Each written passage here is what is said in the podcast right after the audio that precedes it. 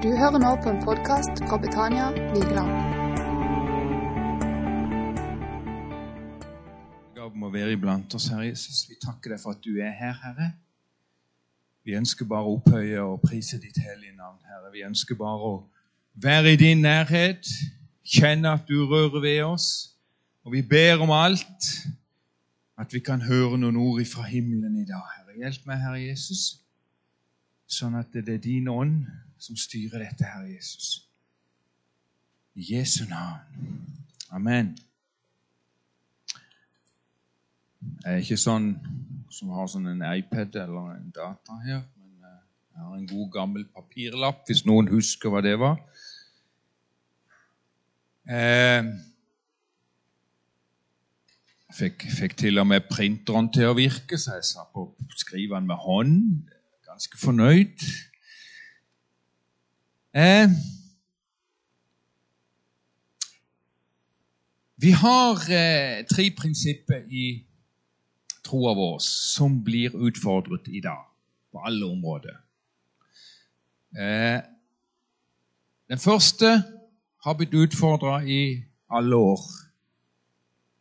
Og det er Vi skal begynne å lese fra Romerbrevet, kapittel 3, og vers 28.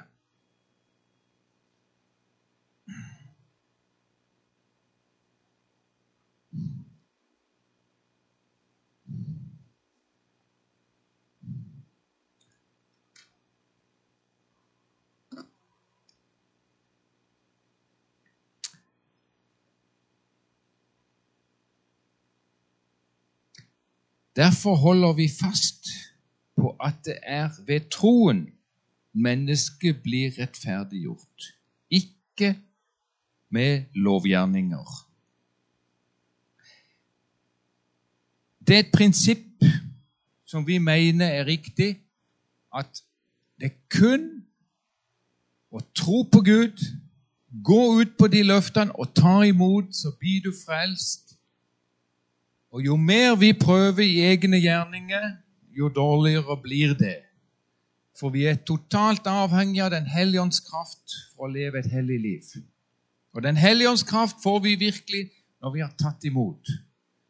Vi kan ikke begynne andre veien, som mange prøver på, og skal bli et bedre menneske og skal få ting på plass så vi er gode nok for å komme til Gud. Den veien kommer aller fram. Nei. Så troen alene ingen gjerninger. Vi går til Romerbrevet kapittel 3, som vi er i nå, og så går vi litt tilbake til vers 23 og 24.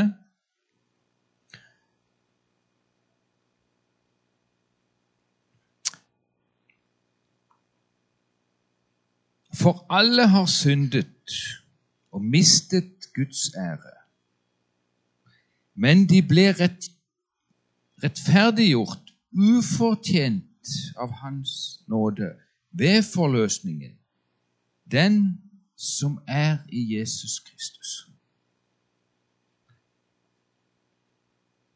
Og Da kan vi si Kristus alene, Jesus alene. Det er kun ved Jesu nåde vi kan bli tilgitt for våre syndere. Det er ingen annen vei inn i himmelen enn Jesus alene og det verket han gjorde på Golgata kors. Vi, vi, vi, vi, har, vi prøver alle mulige veier. Men det fins bare én vei til Gud, og det er gjennom Jesus. Jesus alene. Troen alene, Jesus alene og Guds ord alene. Vi går til 2. Timoteus.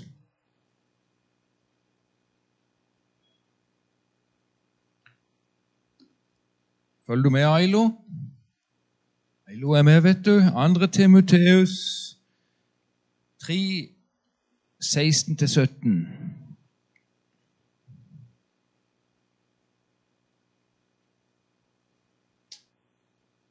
Og det er et veldig aktuelt bibelvers. I denne tid vi lever i. Hele Skriften er innåndet av Gud.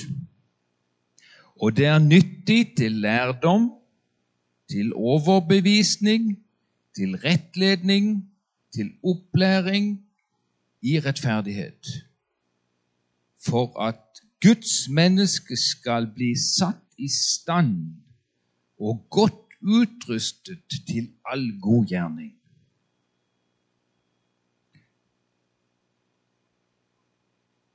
For at Guds menneske skal bli satt i stand og godt utrustet.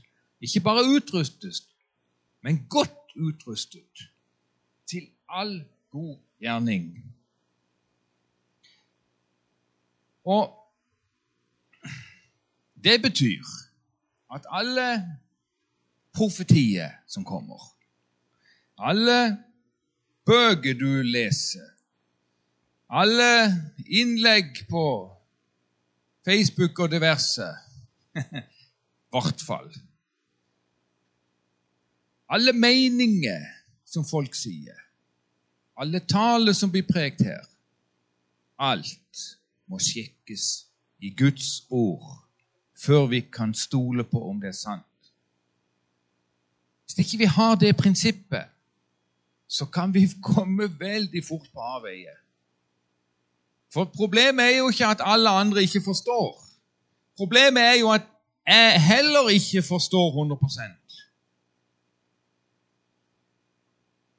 Så vi må se på oss sjøl at våre meninger om vi aldri så mye tror at det er rett, så kan vi ta feil på noen områder. Og vi gjør det.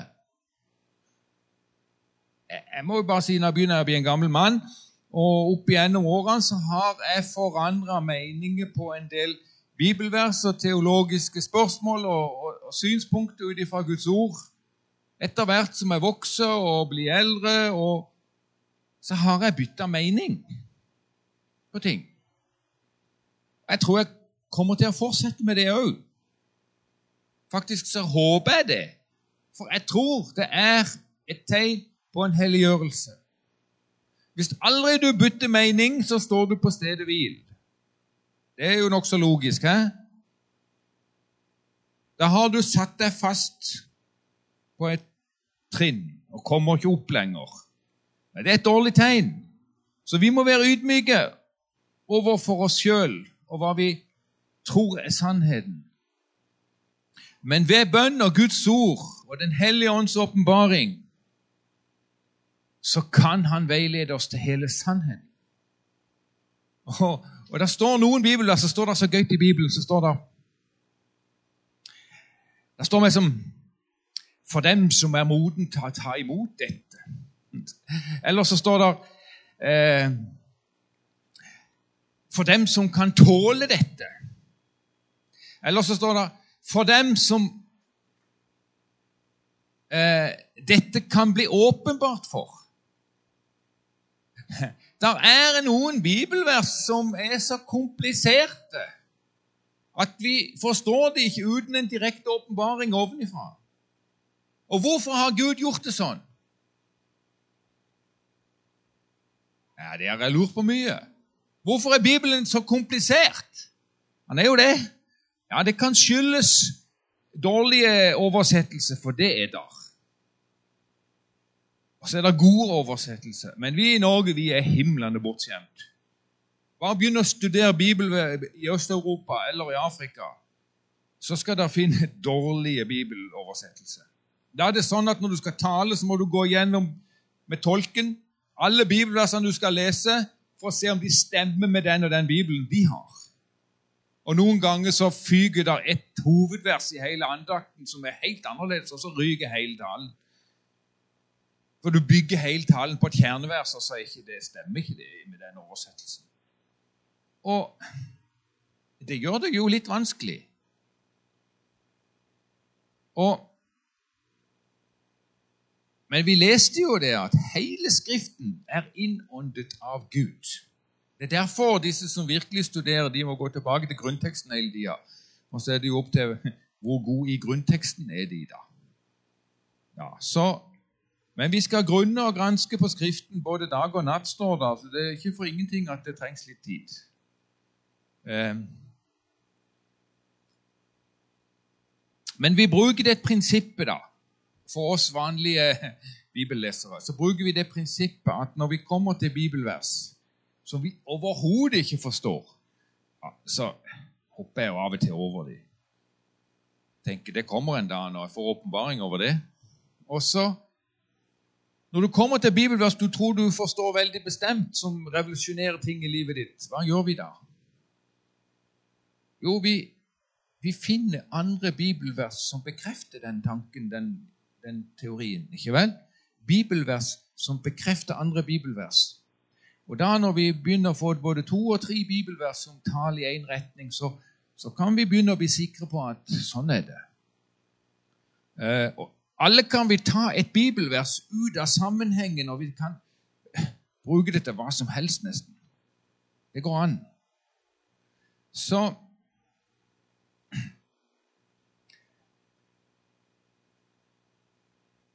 Men det største problemet er jo ikke øh, den intellektuelle og Guds åpenbaring til oss.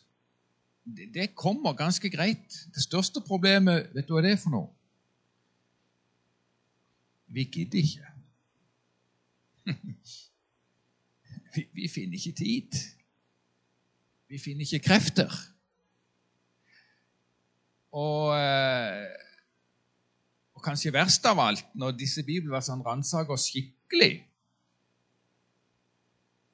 så er vi ikke lydige. Hm. Hæ?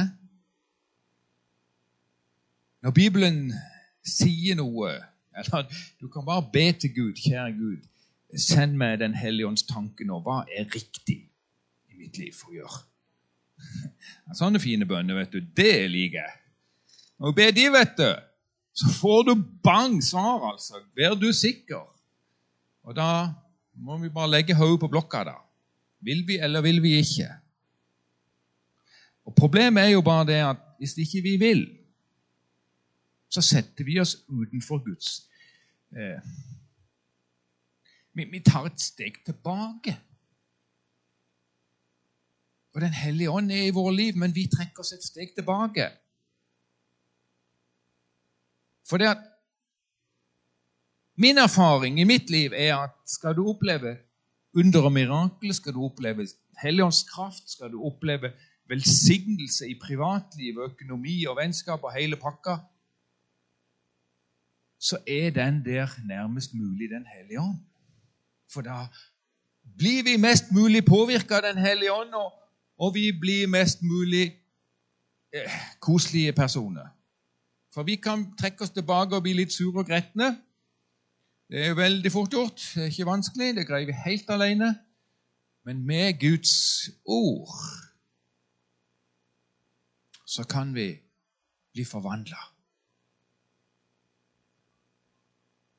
Og kom det ei setning her, så jeg tror jeg får si henne, da. Men kanskje det til noen.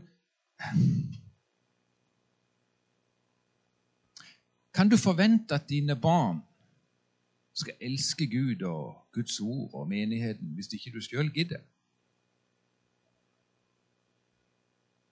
Jeg vet ikke, det var tøft sagt, men det var en setning som kom. Du kan ikke det.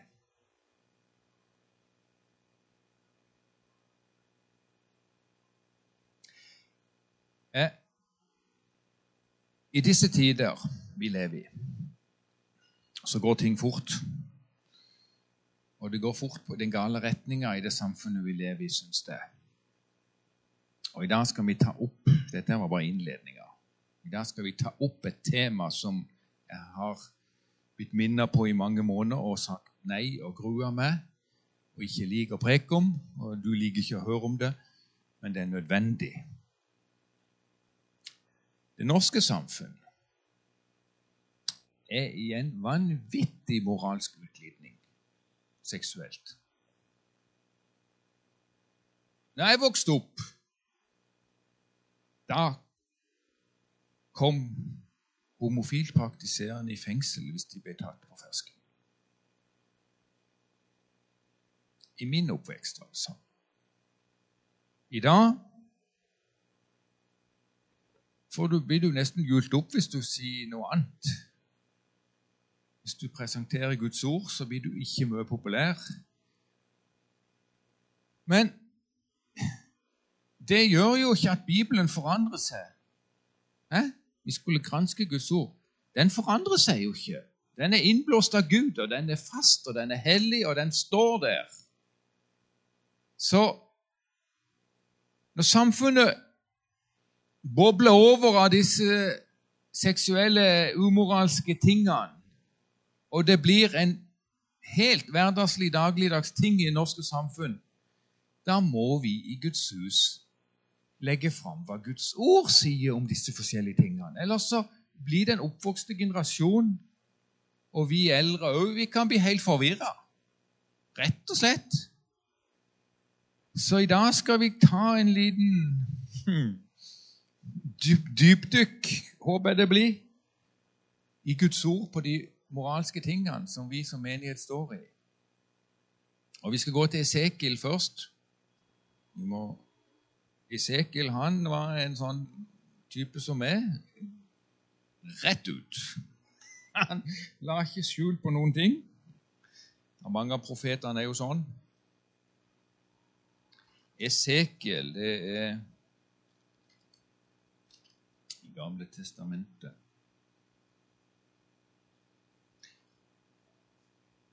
Esekiel, kapittel 23 og vers 3.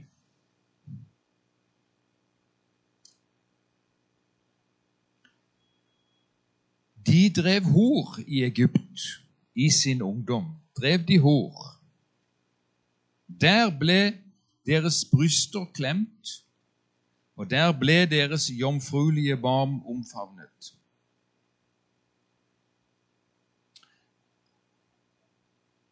Her snakker vi om seksualitet før ekteskapet.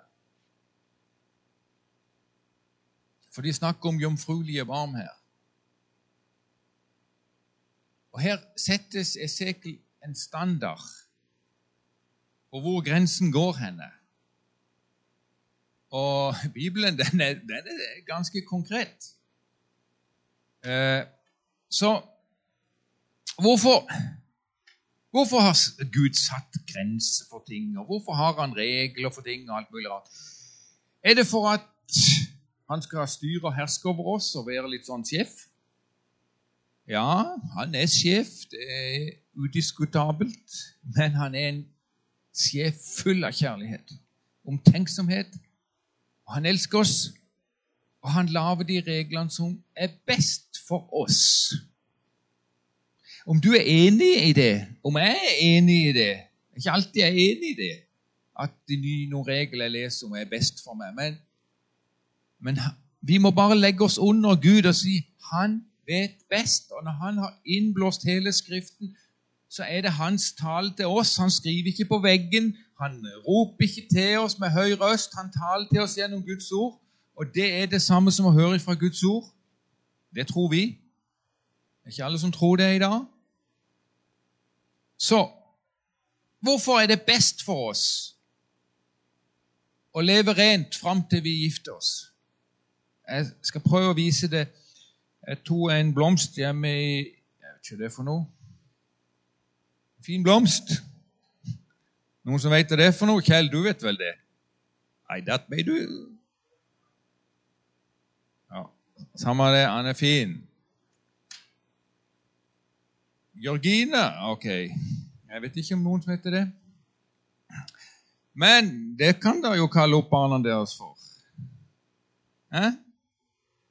Georgine blir snart populært. Eh, det er bare det at Hvis du ser på sånn en skapning som det der, så er det jo bare noe som popler opp av jorda av seg sjøl egentlig noen plass i verden, og så har vi transportert det til Norge. da. Og, og så er det jo bare så fullkomment perfekt. Det er jo helt vanvittig. Og sånn har Gud skapt dermed. Vi er perfekte skapninger. Vi er en pryd. Vi er et tempel. Og når du som ungdom deler dine mest intime følelser og, og opplevelser med andre mennesker, tilfeldig eller utilfeldig, eller planlagt eller ikke planlagt, så, så gir du fra deg noe av ditt innerste intimitet og følelsesliv til et annet menneske. Og du får det aldri tilbake. Det vil si at at du tar noe av deg sjøl og gir til en annen. Og etterpå så ser du sånn ut i ditt følelsesliv. Nei, sier du. Jeg gjør ikke det. Jeg føler meg fin, jeg. Ja, bare vent til du gifter deg med venninna eller kameraten til den du tuller med, som du ikke skulle ha gjort. Da føler du det helt annerledes, kan jeg love deg. Og, og, vi vet jo det at hvis du ah, ja, så skjedde det Oi sann. Nå skjedde det veldig dramatisk her. Men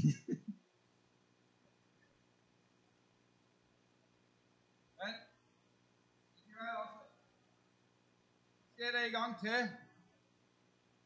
Og så spør jeg deg Hvis du skal inn i en blomsterbutikk og kjøpe en blomster, hvem hadde tatt denne her? Hæ? Når det sto en på sida som var litt finere.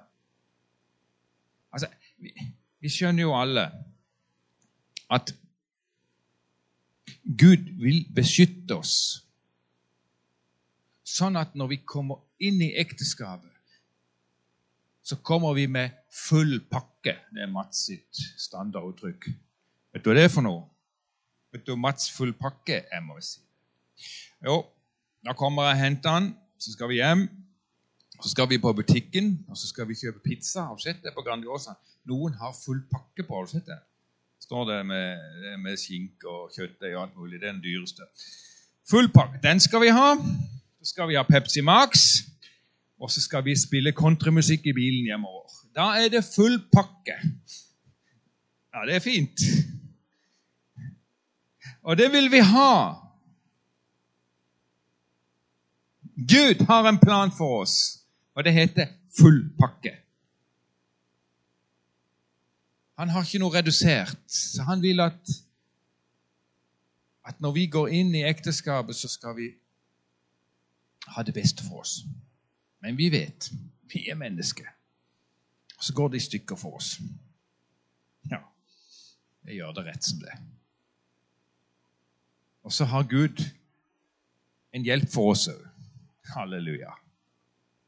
Men dette er Guds plan A. Dette er Guds første plan, som er til det beste for oss. Og på mange områder i livet så roter vi det til. Og så begynner Gud på nytt igjen.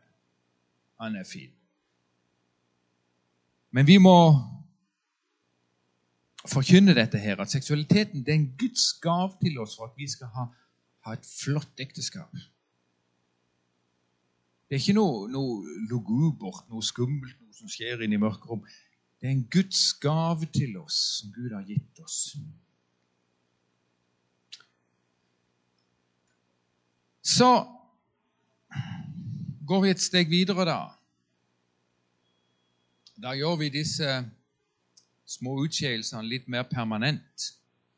Og så kaller vi det samboerskap. Og da,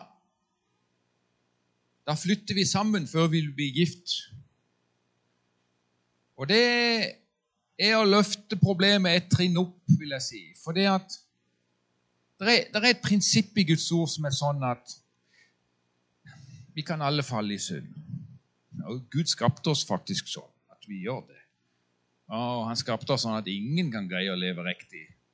Så vi er egentlig en haug med problembarn hele gjengen som sliter med oss sjøl. Ja. Men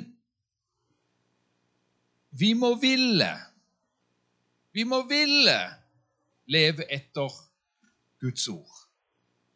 Med vår vilje og all vår kraft. Hæ? Ja, det er ikke alle som gjør det, men det sier Guds ord vi bør gjøre. Men hvis du bestemmer deg da for å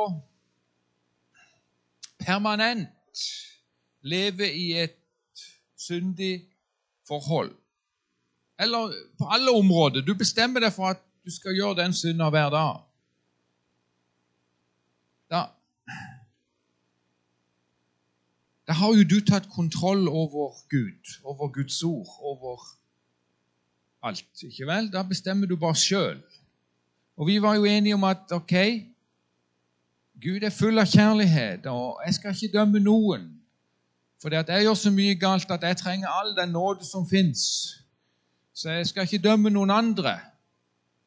Men, men jeg vet iallfall at hvis ikke jeg jeg kan, gå, jeg kan, gå, inn i kamper med ting.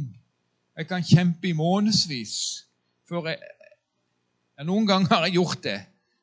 I månedsvis. Og under de periodene så er livet knallhardt. Det åndelige livet. Men når du da overgir det, så får du kraften til å gjennomføre det. Det er flott. Så får du, får du den nye kontakten med Den hellige ånd igjen på nytt. Og så er det sånn at, at uh, mennesker som velger å leve i en åpenbar feil holdning til Guds ord,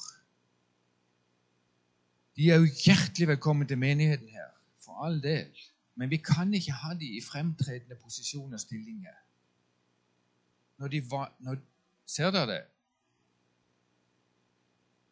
For vi ønsker det at vi skal være et godt eksempel, denne menigheten vår. Vi ønsker at, at menigheten skal gjøre så godt vi kan. Vi, å, himla godt eksempel vi egentlig er når alt kommer til alt. Det skal ikke vi dømme, men vi skal prøve så godt vi kan å følge Guds ord og, og gjøre det riktige. Og Det var så fint det vi leste vet du, at, at for at Guds menneske skal bli satt i stand og godt utrustet til alle gode gjerninger. Au, au. Det er en god plan, altså. Hæ? Som vi leste. Det er Guds plan for oss, og det er Guds plan for menigheten vår. At vi skal bli utrustet og settes i god stand til gode gjerninger. Og så håper vi og ber om at vi får til noe av det.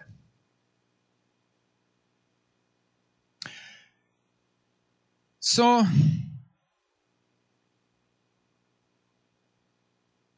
må vi ta et tema til. Dere skjønner at jeg har ikke gleda meg til denne talen her. Men jeg føler det er nødvendig at vi, at vi tar en standard på disse tingene. Så kommer vi til et veldig vanskelig punkt, og det er jo skilsmisse. Og eh, ja Det går i stykker for oss av og til. Vi går inn i livet med gode forsett. Vi eh,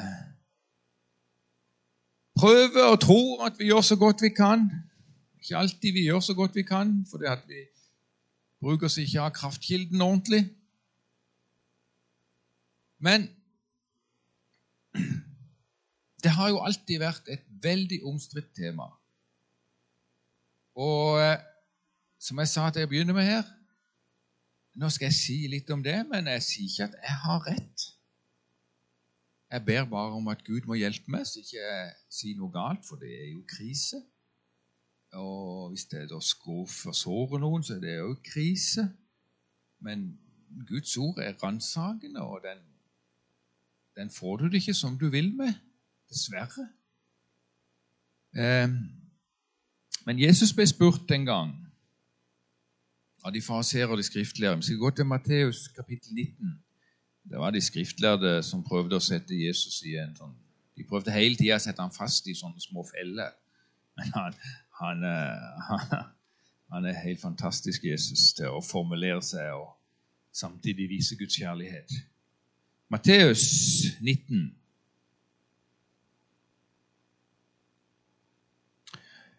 Og vers 8 og 9. Greier dere å lese den teksten der?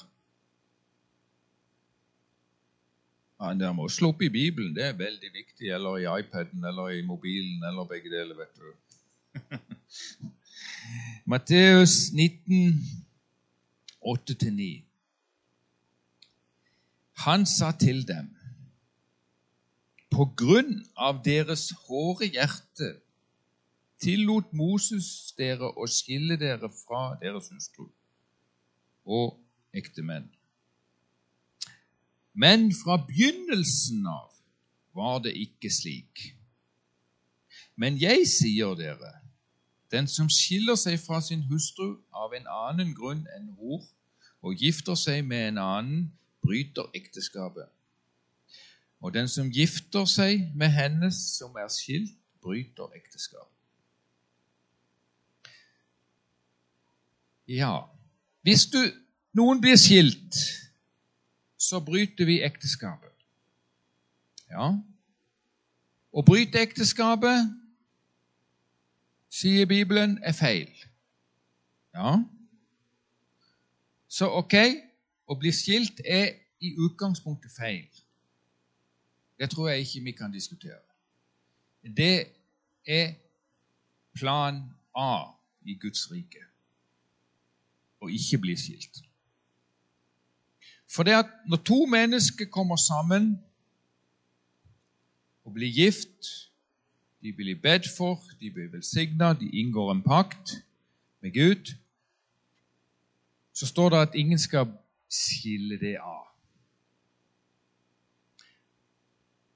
Så det er Hvorfor er Gud så konsekvent på det? Hvorfor har han det som sin regel? Jo, for det er til det beste for oss. Ja, det er jo ikke alltid Det innrømmer jeg. Det er jo ikke alltid det er til det beste at et par holder sammen. Det kan skje ting som gjør at det blir helt umenneskelig å være i et sånt forhold. Og vi andre som, som er på utsida,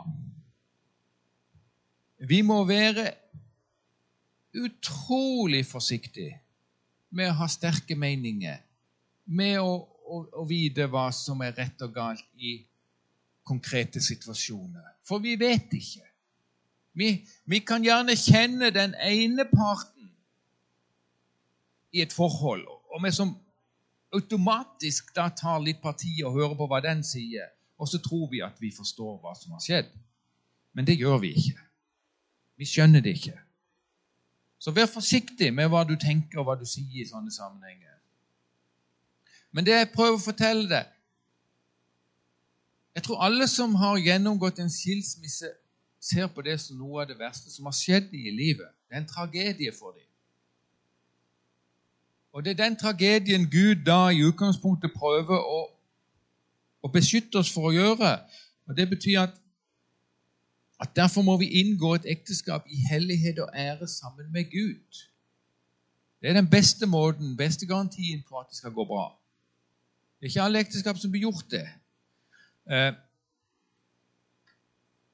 og når det da går galt, så sier Jesus her ja, det var på grunn av de sine harde hjertes skyld.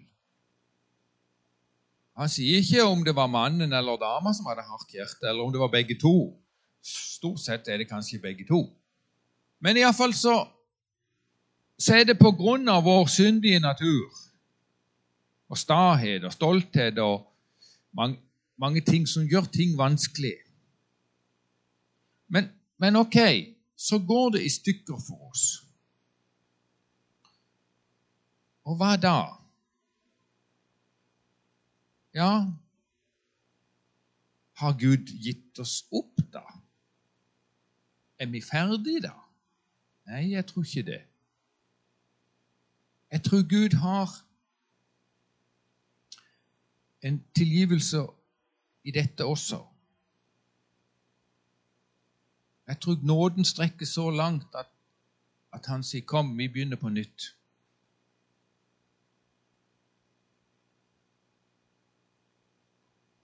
Men det er ikke det beste, og du er litt skadeskutt. Og du har fått med deg mye i bagasjen som ikke var noe greit. Men Gud ønsker å helbrede og reparere og begynne på nytt. Og jeg, jeg har kanskje et uttrykk, kanskje litt flåsete, da, men ok, Gud har en plan B. Eh,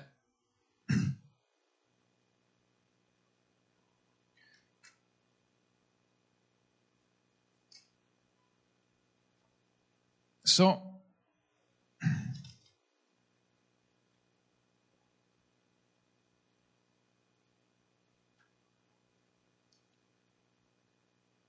Vi er utrolig heldige her i menigheten som ikke har opplevd så mye av disse vanskelige tingene. Så må vi virkelig be for ekteskapene i menigheten, at de blir bevart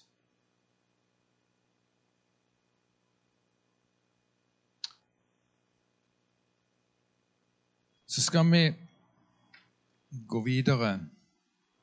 Og det blir jo tøffere og tøffere og vanskeligere og vanskeligere, dette her. Skal vi gå tilbake til romerbrevet?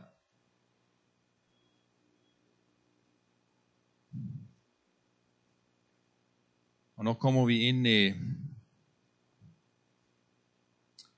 i vår situasjon i Norge i dag. Romerbrevet kapittel 1, 26 og 27.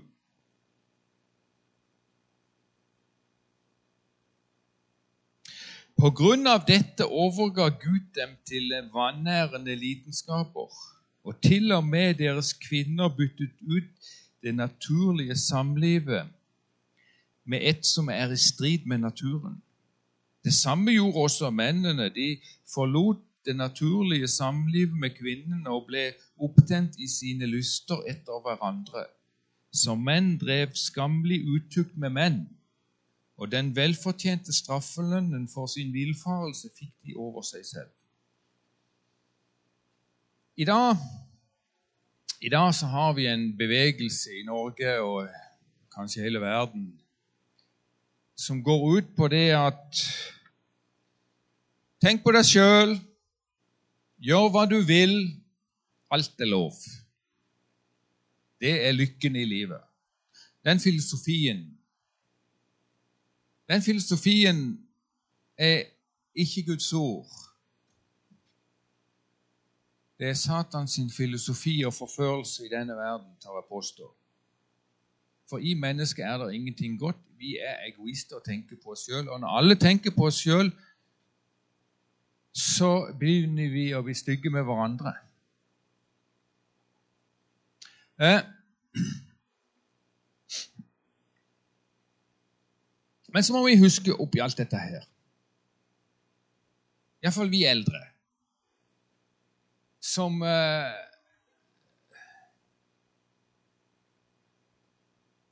har en, en gammeldags eh,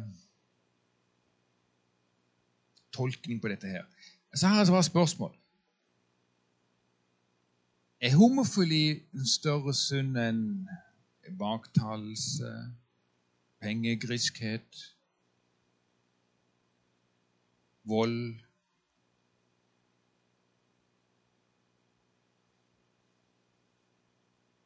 Nei, det er ikke det. Når Bibelen snakker om de tingene der, så kommer hele ramsa vet du, av ting og tang. Og, eh, og mange av dere er det som er pengegriske.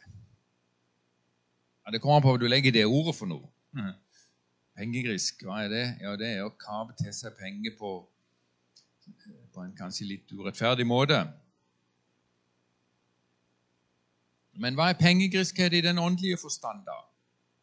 Du vet, Bibelen har en standard som er helt innsides. Gi, så skal du få. Hæ?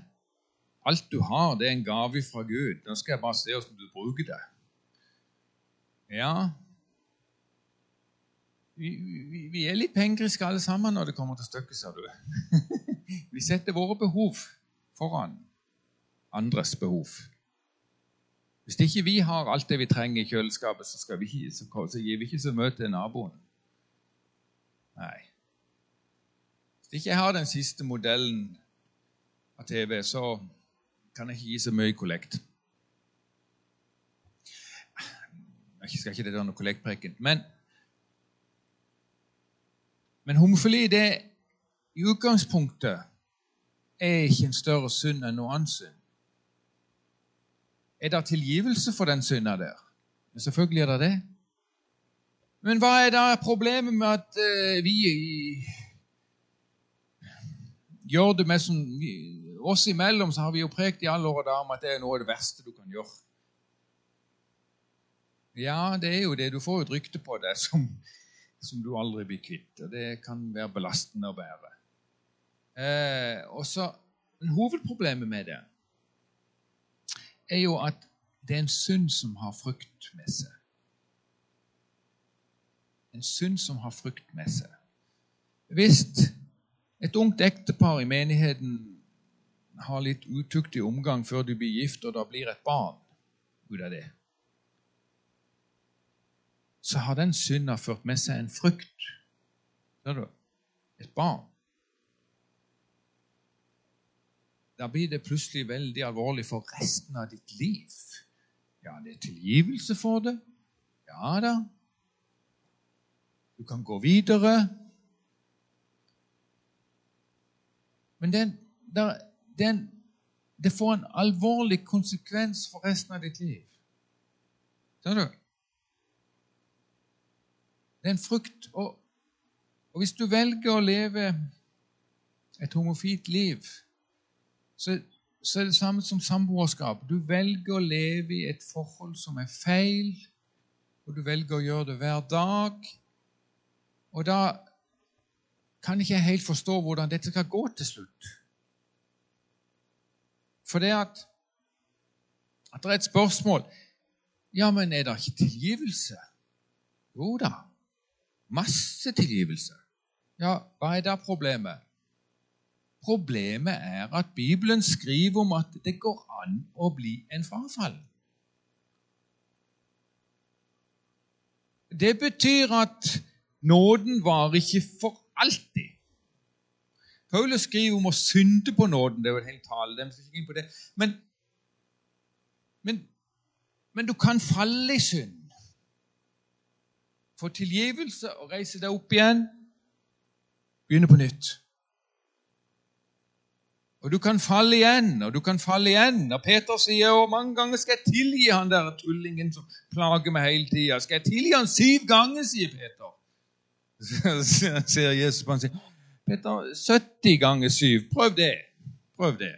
70 ganger 7 må du tilgi. Ja, hvis noen stjeler pengene dine syv ganger, da, begynner du å bli lei. Hæ? Men hvis, du, hvis han har gjort det 490 ganger, da begynner du å bli enda mer lei. Hæ? Altså, nåden er der, takk og lov. Men det går an å bli en frafallen. For det at når du velger å leve i et syndig forhold, uansett hva det gjelder for noe, så blir du dratt vekk fra Den hellige ånd. Sorry. Du trekker deg vekk fra Den hellige ånd.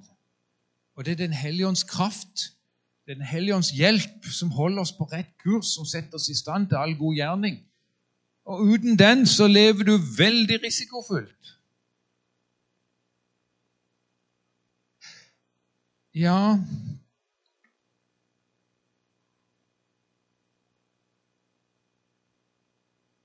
Hvordan skal vi oppføre oss overfor mennesker som velger å leve i synd? Hva sier Bibelen om det? Jo, han sier at vi må rettlede dem. Snakke med dem i all kjærlighet, vennlighet. Eh, men i dagens samfunn så blir det sånn nå at vi måtte denne gangen vi måtte svare på hvordan menigheten sto i forhold til homofile i lederskapet og, og, og mange sånne etiske spørsmål for å få statstilskudd. Det norske samfunnet er litt på vei vekk.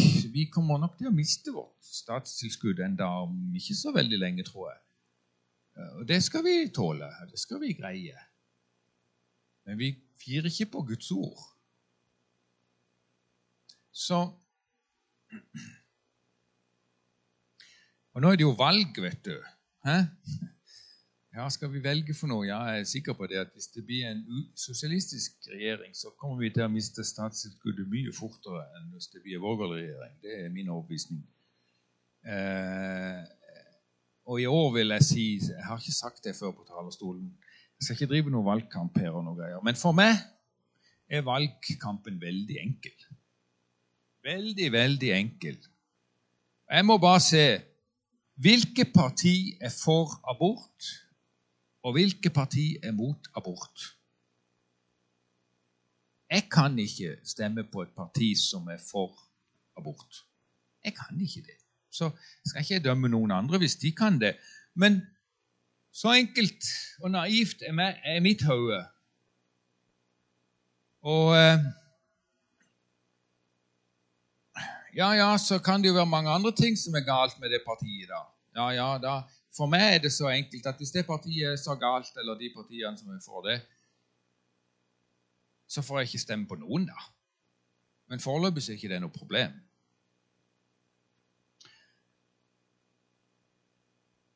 Ja, så fikk dere det politiske innslaget òg her.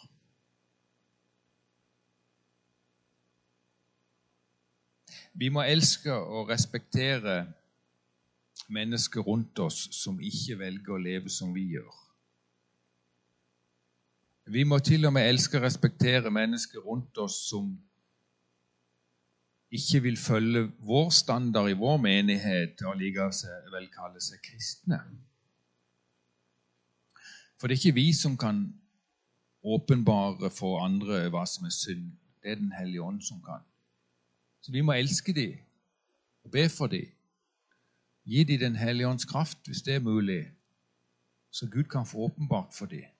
Og vi har alle gått en vei. Men så er det noen ting som setter sperrene på i vårt liv, som jo Gud må hjelpe oss. Gud må hjelpe oss.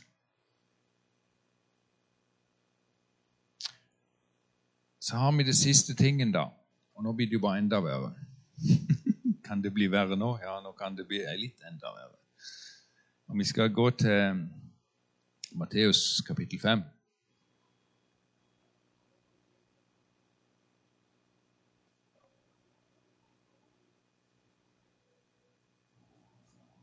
Vers 28. Matteus 5, 28.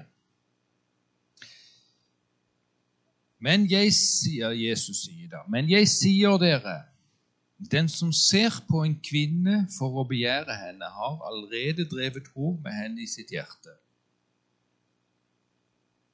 Ja, det er jo et Det gjelder jo selvfølgelig motsatt òg, men det er nok kanskje et mannsproblem hovedsakelig. Men det gjelder jo motsatt, selvfølgelig. Eh, vi har jeg er jo så gammel at jeg har ikke helt forstått ennå hvor dramatisk pornografi er i det norske samfunn. Jeg er jo en eh, idiot på Internett og de tingene der. Så, og takk Gud for det, sier jeg bare i denne sammenheng. Men jeg har forstått at det er et kjempeproblem som ingen snakker om. Jeg skal ikke spørre noen ting her, men jeg tror jo at alle som har fått sin første mobil eller iPad eller data, de før eller senere så har de vært borti det problemet. Det er jo nesten umulig å ikke komme borti det, for av og til så popper det jo bare opp, nærmest, føler jeg. Litt grann her og der. Eh, men det er jo én ting at det er blitt helt vanlig, både på fjernsyn og uansett om vi snur oss henne. Ja, det er én ting. En annen ting er jo at vi veldig fort kan få problemer med det. Ja, jeg kjenner ingen her som har problemer med det, for å få sagt det. Men statistisk sett så i menigheter etter spørreundersøkelse så er det et kjempeproblem. Og, og da kommer du tilbake til dette punktet her at eh, Hva sier Bibelen? Er vi villige til å legge oss og dø med Kristus, leve for Han?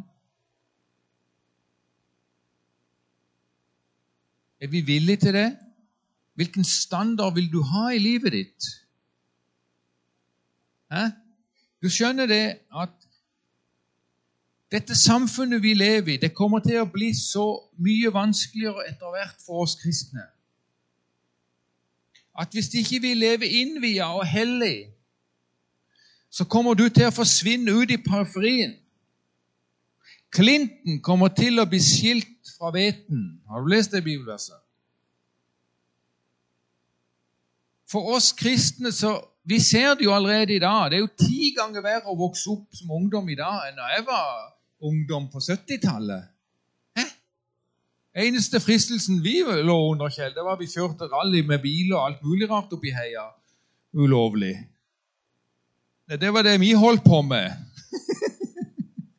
Men eh, i dag så, så lever jo ungdom i en helt annen verden. Og vi voksne òg lever jo i denne verden. Og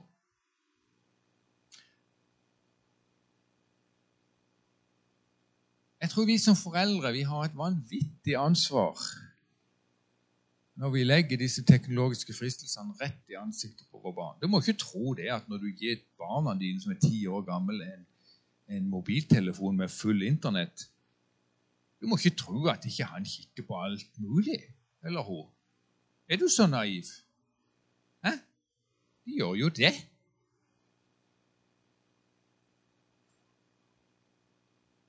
Og dere ektemenn, får kona lov å se hva du har googla det siste måneden på mobilen din? Tør du vise det til kona di? Får hun lov til å gå gjennom alt? Loggen din? Hæ? Jeg vil utfordre dere ektemenn og dere damer til å gi ektefellene deres full tilgang. Jeg er jo så dum vet du, at jeg må hjelpe hjelp Ellen hele tida for å få den til å virke, så jeg har jo ikke sjans. Takk Gud for det. Hun må jo reparere den og få den inn på nett igjen hele tida jeg har råda det til. Eh, når vi, hvis du sliter med et problem, alle mulige problemer, så må du finne en løsning som hindrer deg å gå i fella på nytt. Du må, du må legge en standard du må sette opp fendere i livet ditt, så ikke du havner i grøfta igjen. Og, og gjøre en deal med barna deres når de får iPad til jul. At du får lov til å sjekke hva de holder på med. Så ikke, du er med, så ikke så er du medskyldig. Jeg vil si det. Du legger fristelse foran dem som de ikke kan takle. Og Og hvorfor er dette et problem, da? Jo, fordi at det du ser på nettet, det har ikke noe med det virkelige livet å gjøre. Sorry. Det er skuespill. Det er ikke realiteter. Det er jo bare masse tull som forvrenger hodet ditt til å leve i en annen verden som ikke er realistisk, som ikke er sann, som ikke fungerer. Og det bare ødelegger ekteskapet ditt. Det er Gud prøver bare å beskytte oss for sånt nå.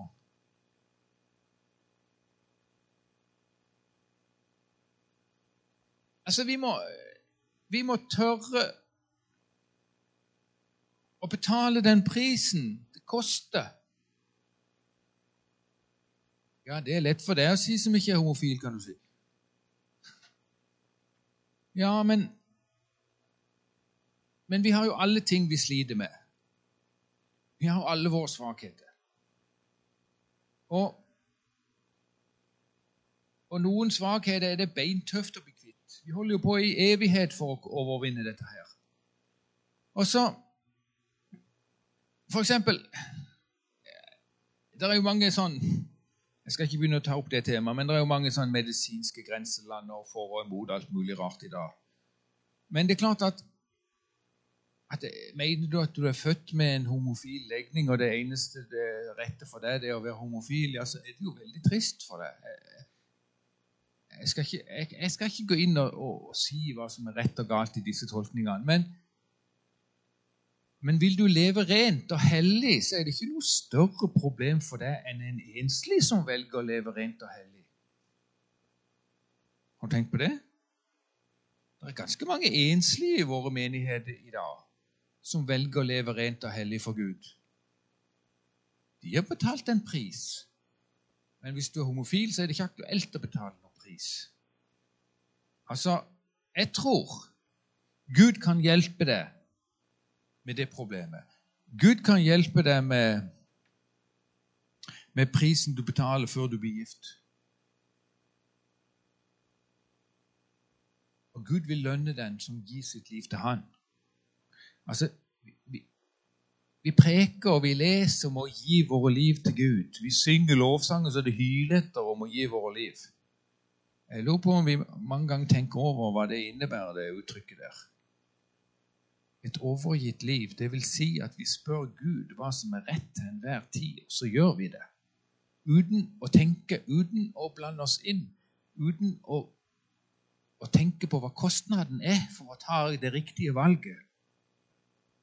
Hvis vi hele tida skal vurdere kostnaden opp imot og gjøre som vi vil, og gjøre som Gud vil, da må du gå og ta og ransake deg sjøl litt.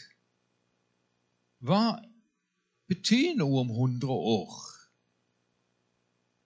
Still deg det spørsmålet. Hva betyr noe om 100 år? Jeg husker jeg kjøpte en, en svær en Mercedes da jeg var barn. og Min far var ikke noe populær. Han syntes ikke det var noe greit. Ja, og eh, Om det var det som var årsaken til at den ble ødelagt etter 14 dager, det vet ikke jeg. Men, men iallfall så havna den i grøfta og ble veldig ødelagt ganske fort. Og så satt jeg der. Jeg var jo ganske misfornøyd. Jeg har brukt alle sparepengene mine og lånt en del penger. og først Ikke hadde bare noen kveldsjobber og gikk på skole, og alt ble ødelagt i, i løpet av tre sekunder. Da, da blir en fort litt deprimert, ikke vel? ja. Og da, da, da satt jeg der og grein og syntes synd på meg sjøl og begynte å be. Jeg begynte å ba. Det er, ganske, jeg ganske stolt av. Og så kommer det den setninga til meg. Ordin, hva betyr dette om 100 år?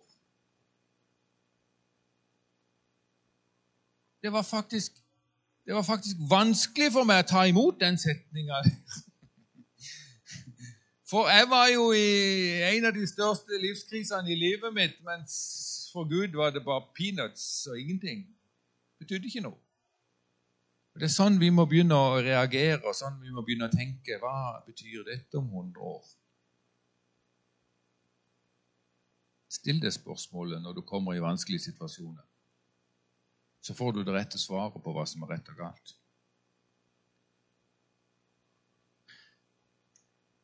Skal vi be? Vi må be for Norge. Vi må be for hele verden, men det er Norge vi er blitt plassert i.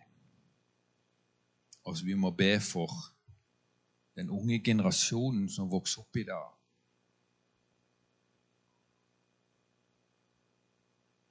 Far i himmelen. Du ser alle disse vanskelige situasjonene som vi mennesker kan komme opp i. Ja, det er av vår hårde hjerte. Ja, det er av vår syndige natur. Det er av den syndige, forbanna verden vi lever i. Men her lever vi, Jesus, og du ser hvor vanskelig det er for oss, og du vet om alt, Herre. Og du ser alle mennesker. Jeg bare takker deg, Gud, at du må hjelpe oss du må hjelpe oss og menigheten, Herre, så vi kan leve som ditt ord. Så vi kan bli utrustet til all god gjerning. Kjære Far i himmelen, takk for at du elsker oss og tåler oss i alle våre krumspring. Takk for at du begynner på nytt igjen, Herre Jesus. Takk for at du elsker oss og har dødd for oss, Herre. Derfor har vi framtid og håp Derfor har vi himmelen i sikte. Så takk, ser du Norge som nasjon. Du ser dette valget vi skal ha, Herre Jesus. Du ser Du ser alle, all den vranglære som fins. Men jeg bare takker deg, Gud. Du skal være med oss. Du skal beskytte oss i alle ting. Og du skal løfte oss fram. Du har sagt vi har ingenting å frykte for dem som holder seg nær til deg. Så hjelp oss å holde oss nær til deg, Herre. Hjelp oss å stå nær din kraft, Herre. Jeg bare ber deg, himmelske Far, velsign Norge. Velsign dette misjonslandet, Herre Jesus, som du har sendt inn den ene vekkelsen etter den andre over. Takk for vi har vært en nasjon som har vært med og forkynt ditt ord, Herre. Og Jeg bare ber deg for denne misjonsnasjonen sin framtid, Herre. Jeg ber deg om at du, Herre, må være med og støtte oss i gode og vonde dager, Herre Jesus. I Jesu navn. Amen.